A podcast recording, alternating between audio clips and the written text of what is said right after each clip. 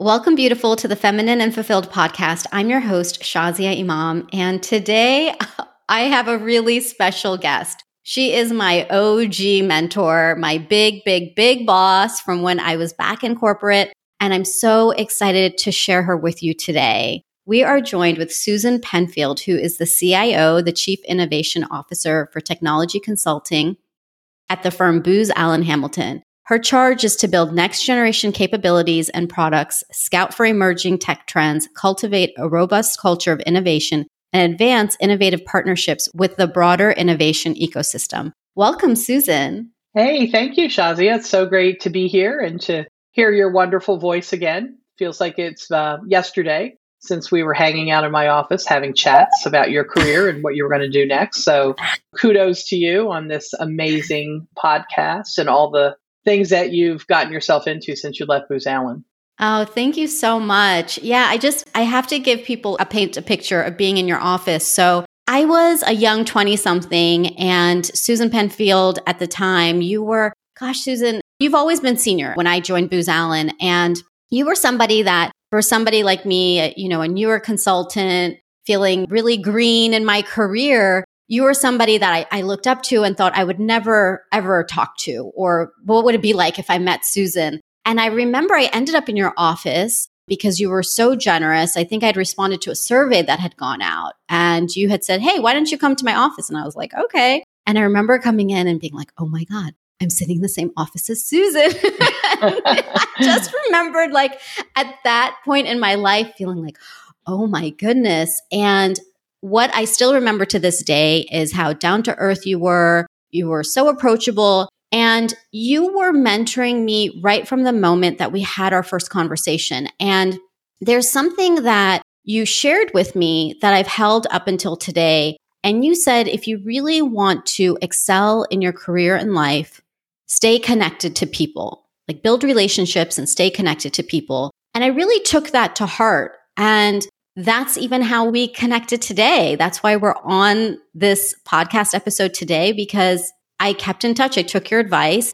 And as always, Susan, you have had an open door and you have stayed in touch. And so I wanted to let the audience know this is who you are. And of course, we'll dive in and we'll hear more about you. But I had to let everybody know that gosh, that 20 something, I still feel a little bit like that even now. even now I'm a, I'm a 40, a 40 something year old. But thank yeah, you, and I'm Susan, approaching 60 initial. next month. So, you know, it's what? hard to believe. Time flies.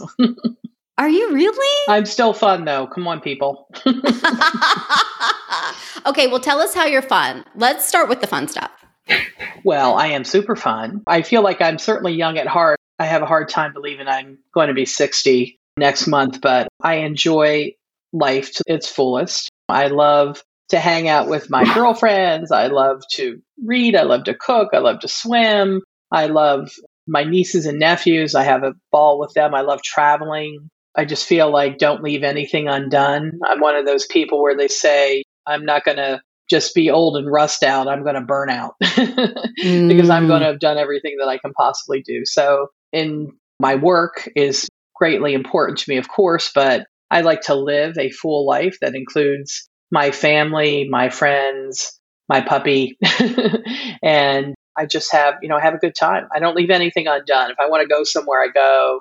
If I want to do something interesting, I do it. If I want to meet someone, I try to figure out how I can meet them. So I just love the life that I've been able to create for myself and, and for those around me. It's been a really good journey at Booz Allen. I this year or this month actually I finished 27 years there. So that is also wow. crazy, Shazia, because when I came to Booz Allen, I was probably your age and I was about 36, I think, or 35. And it was a completely different place. It was 2,500 people. It was largely management consulting, and I was a tech girl. So much has changed in those 27 years. And I, I feel grateful because I've gotten to drive some of that change. I've gotten to be part of a real cultural transformation and doing great things for amazing clients. So that stuff is the stuff that gets me going and what keeps me excited about getting up and I'm not going to work every day. I'm virtually there, right? So that's been a big change. But I actually went to the office on Tuesday, first time in 14 months. So pretty crazy to see everybody and, you know, hug people I hadn't seen in 14 months. So I need people. So it felt really good to be there. It made me happy.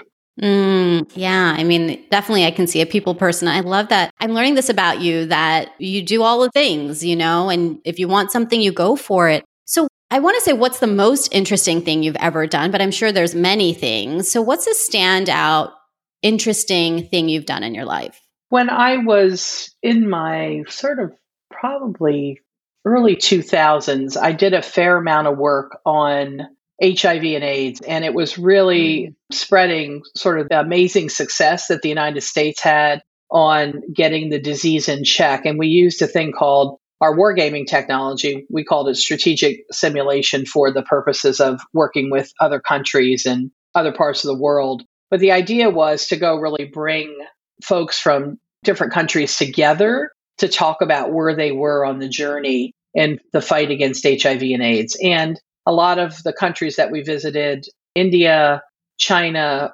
Russia we did a fair amount of work in, in the United States as well. And the idea was to convene everybody together, really have a dialogue from all different aspects of their culture, whether it be Fortune 100 companies, multinational companies, the government. In some countries, sex workers were part of the conversation, but it was really important work, one, but it also allowed me to see the world in a way mm. I had never mm. seen it before. You know, I certainly felt like I traveled, but to go to a culture like China, to go to a culture like India, to go to Thailand, to go to Russia, to go to Africa, those things for me were incredible experiences and really opened my eyes to what the world was like and to what diversity really meant and equity meant. And so, you know, early on for me, I started my journey in terms of transforming how I think about the world and everything about it. But the really positive thing was through these sessions that we held, these simulations and sharing of data and best practices, et cetera,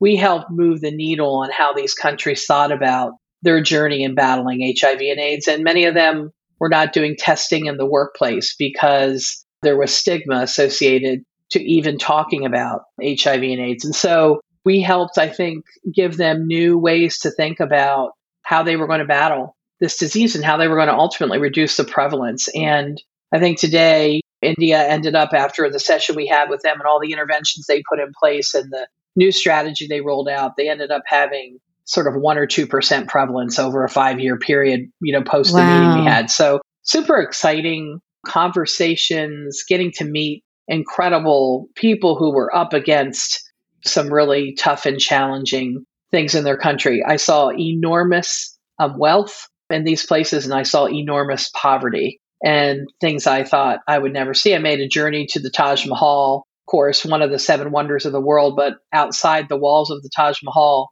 there was incredible poverty, a la Slumdog mm-hmm. Millionaire, right? Now you see it because mm-hmm. you saw that mm-hmm. movie, but that was before those movies were even available to the United States. And it's incredible, incredible poverty. And I just never had a vision of that. I grew up what I thought was, you know, poor but I had a roof over my head. I had to go to school every day. I had lunch every day. I had wonderful, loving, caring parents. And just to see that, it changed my worldview. And I, I know that that work in the early 2000s certainly changed who I was, maybe more empathetic person. Not that I wasn't already, but it really just drove deep that not everybody has what you do. And you're pretty damn lucky to have what you have. So you need to be sure that you give back and that you're always 100% thinking about being in somebody else's shoes.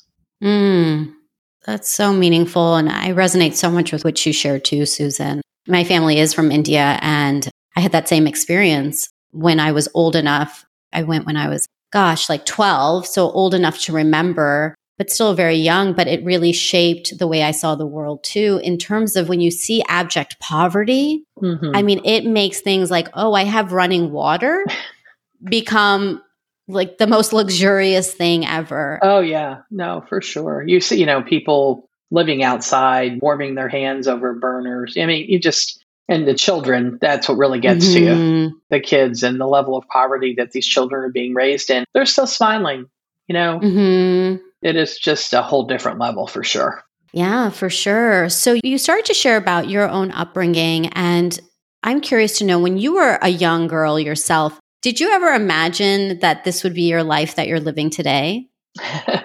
well, you know what? I grew up as a small town girl, Williamsport, Pennsylvania, the proud daughter of hardworking blue collar parents. I went to Catholic school, and I knew that I was not going to have any kind of substantive career in Williamsport, Pennsylvania. So I knew that I eventually would get out of there. But the jobs that, you know, you could have back then were you could be the a marketing person in the hospital. I ended up being a marketing director at a mall, a shopping center actually, and I worked at a radio station. I did a couple of different things, but there just wasn't a lot of technical jobs there. And even when I went to college, by the way, I certainly had many courses on computers, but there was no personal computer. You got to remember that Windows didn't come till sort of 1987 or whatever it was, 1990. I might be wrong. And I taught like my first clients at Booz Allen how to use a mouse. So there was not a lot of personal computer going on. So you weren't really sure what you wanted to be, right? You sort of, I was dabbling in different things. I loved working with people. I loved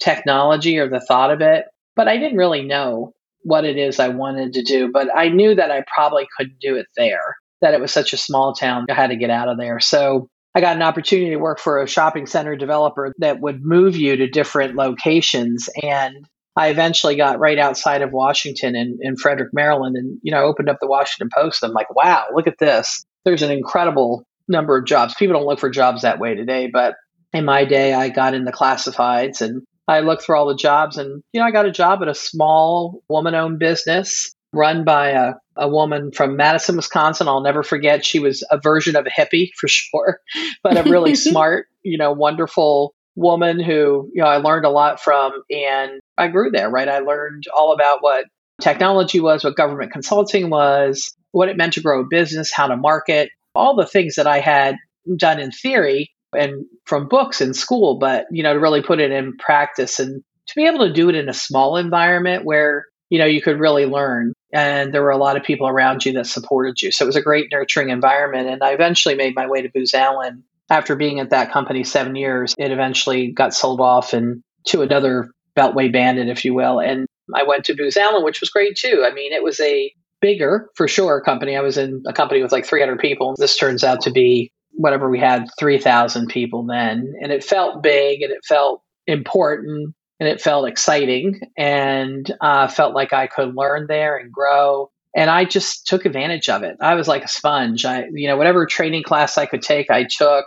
Whatever schooling I could get, you know, on Booz Allen's dime, I did it. And so I just really took advantage of the opportunity set there. And it was also during the tech wave.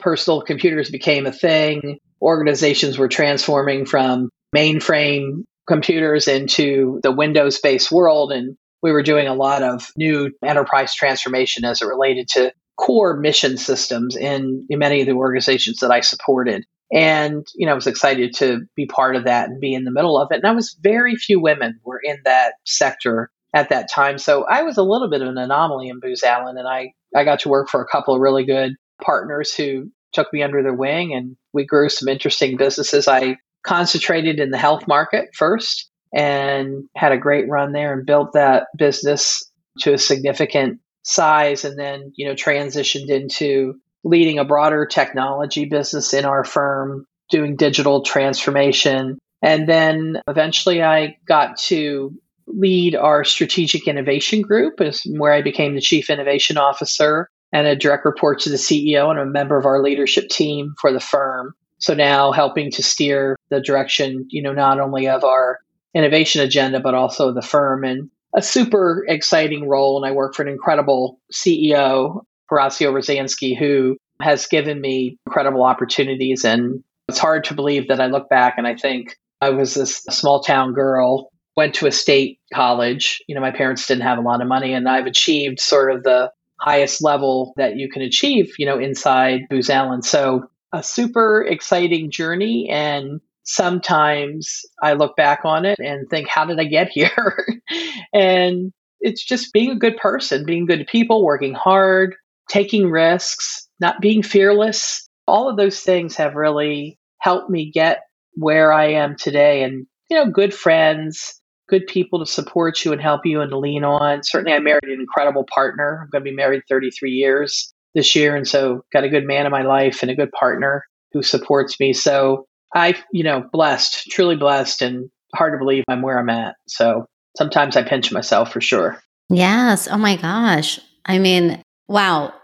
So many questions. First off, congratulations on 33 years with your partner, 27 years at Booz Allen. And congratulations for really paving the way for so many other women. Just so that our audience knows how many people are at Booz Allen now, so they understand the context of your leadership role in a massive firm. Yeah, about 28,000 people today. And we are a global firm and doing technology, consulting, and development for all of government and both US and international governments and commercial clients. So pretty exciting place to be. And, and my job as the chief innovation officer is really about how to position Booz Allen to be ahead of the curve from a technology perspective and to really think about, you know, the businesses we should be in in the future and how to position us to do those things, make the right investments, hire the right people, develop the appropriate partnerships. Lord knows there's plenty of great tech out there today that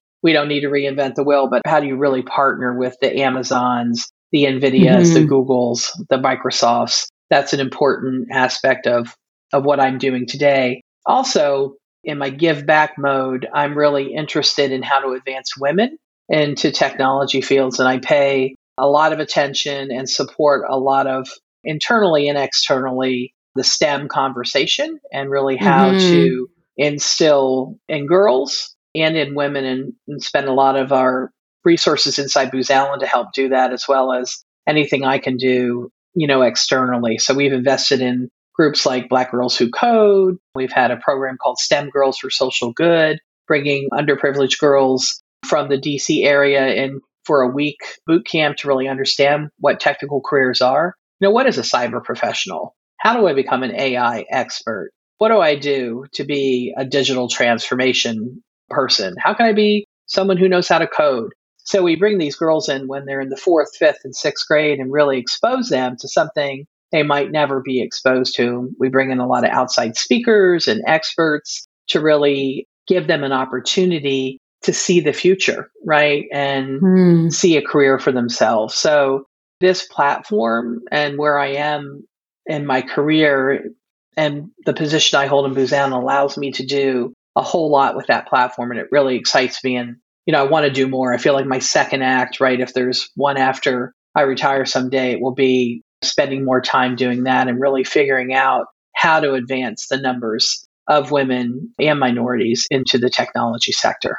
So important. And, you know, one of the places that I really see, and I experience this myself too, and I'd love to get your insight on this, is that I feel like a lot more doors are open now. There are doors open for women, for, you know, women of color also to come into the door at a number of companies and industries. But the place where I see, and this is women across the board, I really feel like there is this ceiling. You know, it's been called a glass ceiling for a number of years, but I almost feel like there's an internal ceiling as well that happens where for me, I felt like I got to a certain point in my career and then I felt almost afraid to move further in my leadership. It wasn't that I wasn't getting the opportunities or the encouragement and the support.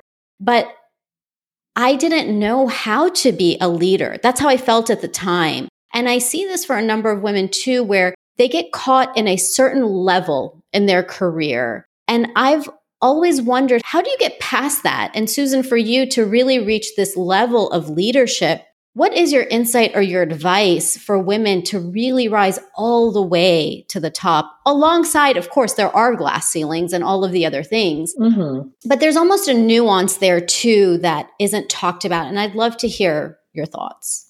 Yeah, I, you know, one of the things that I think really helped me was the idea of sponsorship.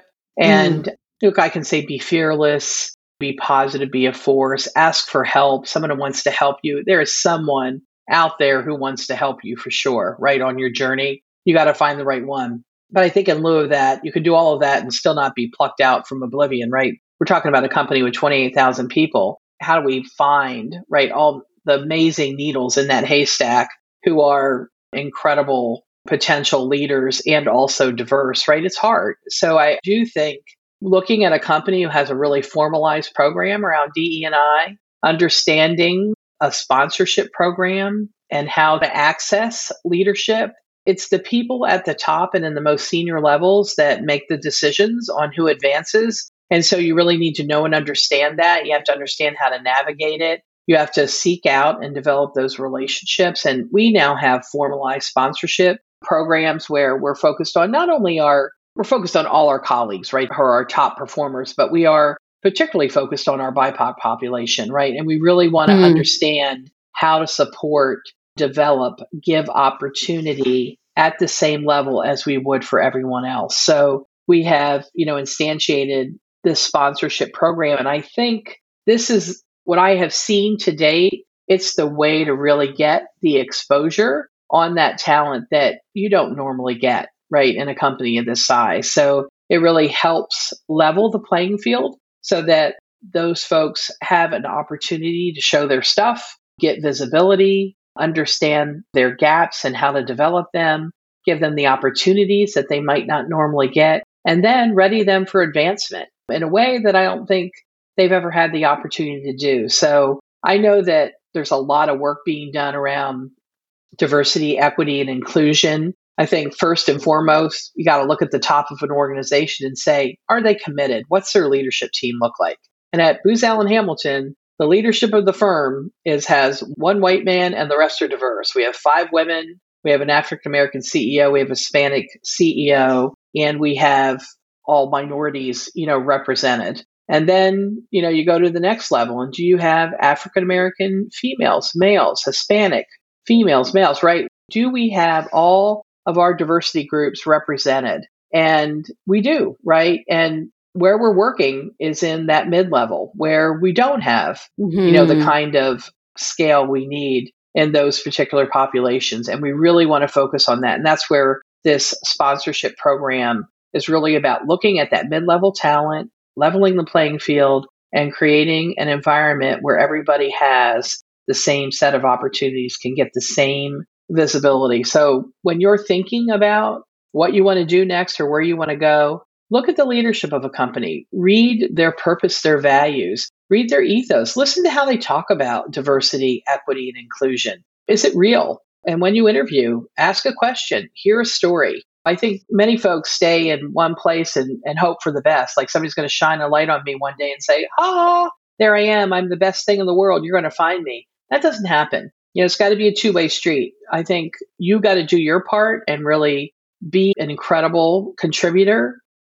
Ask for the things you want, put yourself out there, but also be smart about the kind of company you want to be in. Don't stay in a place where you're going to push rope and you're never going to get where you want to be because that company just doesn't have the values and the support that you need to be successful. I certainly think post George Floyd's murder that everybody is more enlightened into what we all need to do to be better humans and the different kind of change we need to drive within our organizations. But i mean there's been so much right that's happened. The asian hate crimes. I mean just a ton of stuff that has really brought all of this bubbling up. But at the end of the day it's really about finding the right people the best people giving them the opportunity making an equal playing field. I mean, all these things have, I think, helped us come to the realization that we need to change as a United States, as a world,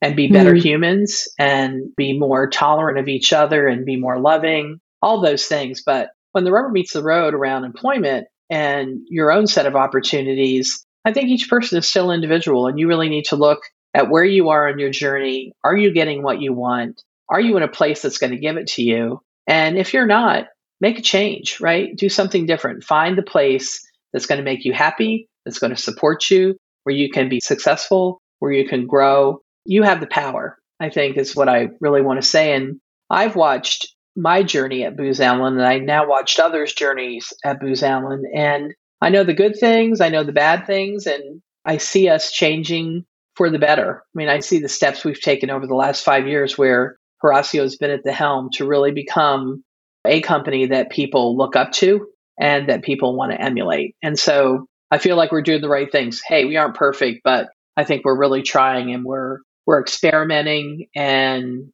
I hope that our folks that work for Booz Allen realize that and know that we're there for them. Yeah, I have to just share my perspective on Booz Allen too. Thank you for sharing all of that. And my own experience with Booz Allen has been phenomenal. I mean, I love what you're sharing about what's been happening. And I've I've seen that in practice. You know, I was at Booz Allen for 15 years and I didn't leave Booz Allen because, you know, you hear a lot of stories about, oh, I can't stand my workplace anymore and I have to get out and I have to do something else. I mean, yeah. it was a very, very difficult decision for me. And I left ultimately because my greater purpose was in this work around women and coaching and, you know, speaking. And so for me, I often look back fondly at Booz Allen because all of my leadership at Booz Allen from the day I started was always female, all the way from my manager all the way to the top. I mean, less than a handful of my leadership was ever male across a 15 year period. And that really, for me, showed me what powerful female leadership looks like. And I always saw that modeled all the way, like I said, even when I entered into your office that day. And then we started the Rockville Women's Initiative after that meeting. And so for me, Booz Allen has always been, to me, a stand for diversity. I know the diversity, what is it? Equity and inclusion. I think that's like the term. I'm out of corporate, so I don't know all the phrases anymore. But I've just always appreciated Booz Allen's focus on the balance. I've always said that the work life balance. And that's why I joined Booz Allen. That's why I stayed there. And when I hear you speaking now, Susan, I just want to tell anybody who's looking for a job that's a fit for Booz Allen. It's like, yes, reach out. Um, you know, because it really it's a great firm. And it is really important. There was one piece I just want to highlight that you said. If you're at a place where I think you used the idiom of like, and you're just pushing the rope. I mean, mm-hmm. if you mm-hmm. are at a place like I'm not into being the like the war hero anymore. This idea of like, you're going to be the person to incite all the change in an organization, like that feels glamorous. But the truth is, it's better to go to a place that will allow you to thrive because then when you can come into a senior place, when you can come into leadership, then you have more leverage. And I think that piece is really important rather than feeling stuck in a place and things aren't happening. So I wanted to echo your sentiments about Booz Allen from my own perspective because it really I loved being there and sometimes I have a little bit of FOMO, fear of missing out, but but I am definitely this is I'm where I'm supposed to be, but I'm glad Susan that you're still at the helm and and leading us forward. Oh, well, thank you for that. Yeah, it's not worth being unhappy. I think, you know, my husband always says to me, "How was your day?" and I'm like, "It was a great day." And when you're waking up in the morning it's not a great day, you got to go, right? You got to do something different and you got to be the architect of your future and change your own game and go to a place that makes you feel good, right? Mm-hmm. Go to a place where you can see yourself and where you can have the journey and the experience that you want. And I do think that's what this most recent generation is thinking about.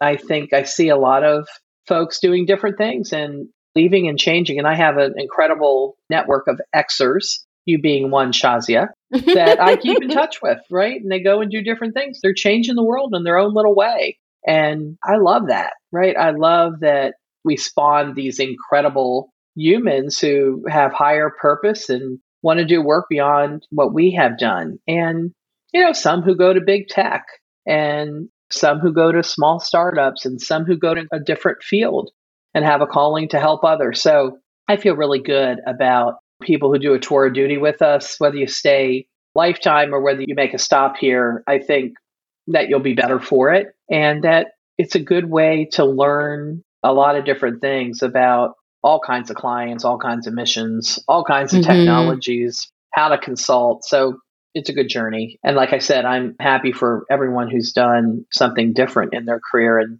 if any of my Xers are out there listening to this today, I'm giving you a little shout out thank you for having a journey with me, and I, I miss you all. and I hope you're doing well. Oh, Susan, I'm giving you a big hug. Oh my goodness.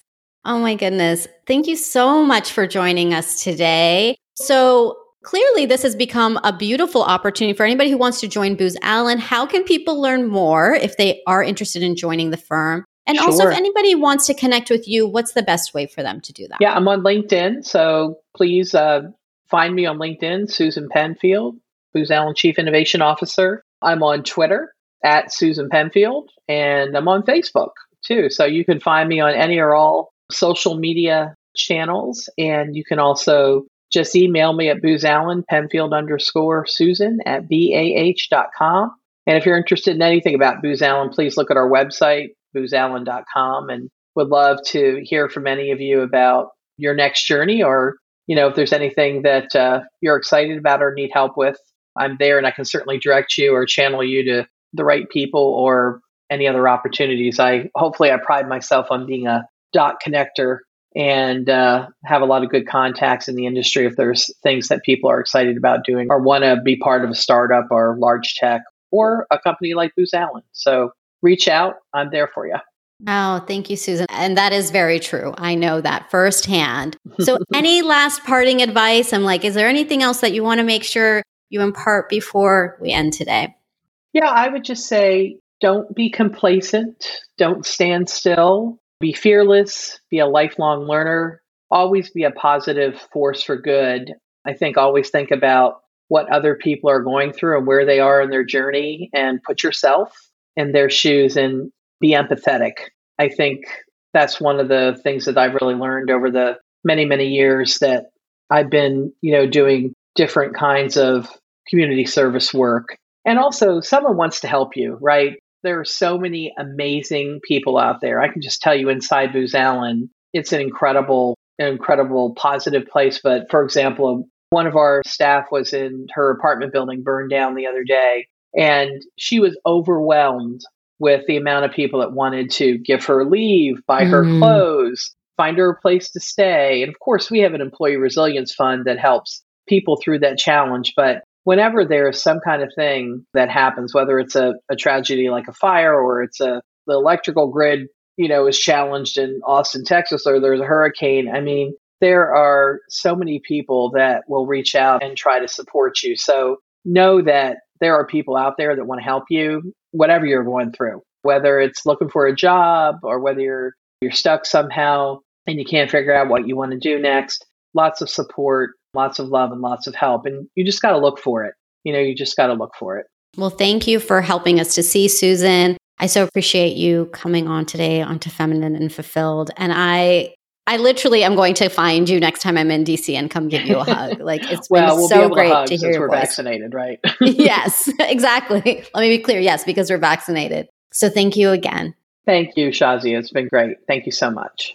Oh, and one last thing before I forget, I wanted to give you a really special gift because how could I not? I actually have a list of my favorite things that make me feel feminine and fulfilled. And I would love for you to have it so that you can grab whatever you want from the list. So if you want to see my list of my favorite things, go to thelifeengineer.com slash favorite. And it is a full list of all of the things that I love and all the links for you to grab them.